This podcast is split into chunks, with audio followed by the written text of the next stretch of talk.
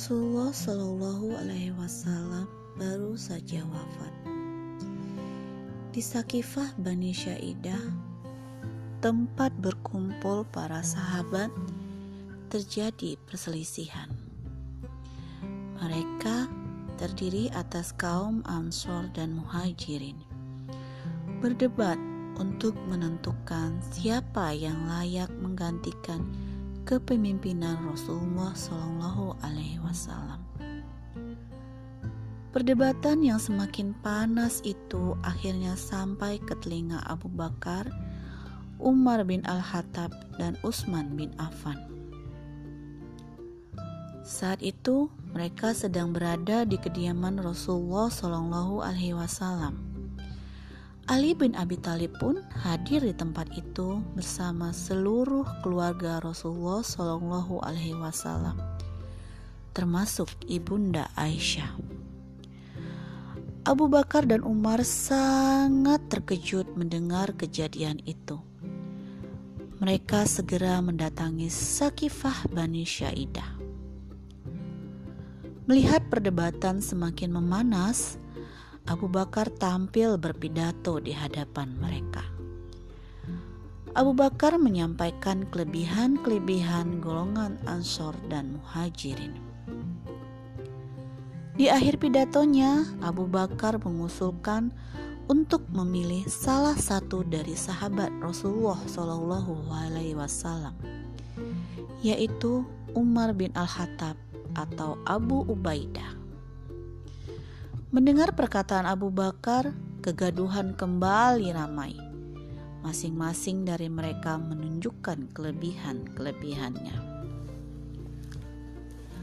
Melihat kondisi yang semakin kusut itu pun, Umar akhirnya mengingatkan mereka tentang sebuah peristiwa menjelang Rasulullah wafat.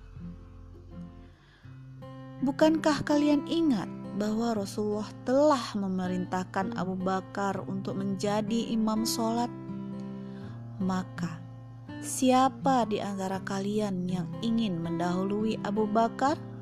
Ujar Umar dengan suaranya yang lantang.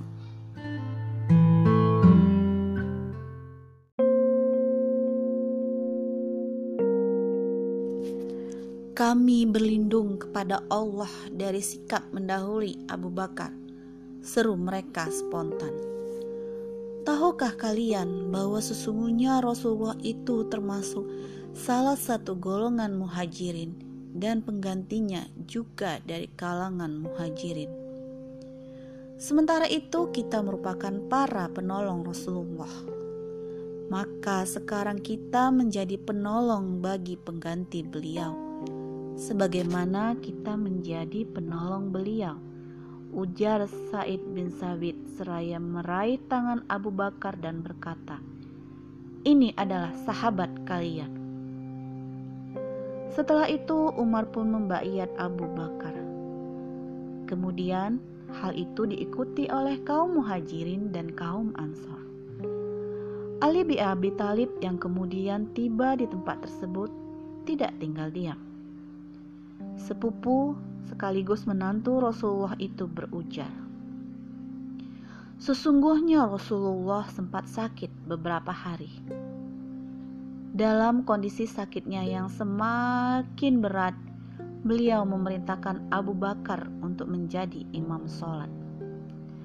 Ketika beliau wafat, aku menyimpulkan bahwa sholat itu merupakan lambang dan tiang agama Islam.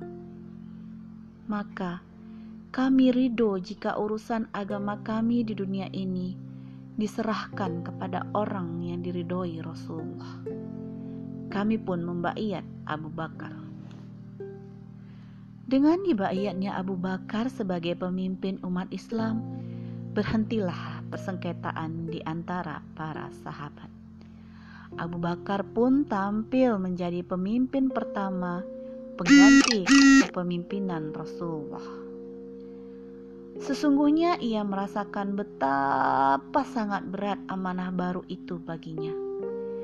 Ia tidak berani menyebut sebagai khalifatullah di bumi. Ia lebih memilih menyebutnya sebagai khalifah Rasulullah. Maknanya penerus perjuangan Rasulullah Shallallahu Alaihi Wasallam. Selama mengemban jabatan barunya itu, Abu Bakar justru selalu merasa khawatir dan takut. Ia sadar bahwa dirinya sangat jauh dari kemuliaan Rasulullah. Namun, Abu Bakar tetap harus mengemban kekhalifahannya. Berhasilkah Abu Bakar mengemban kekhalifahan itu?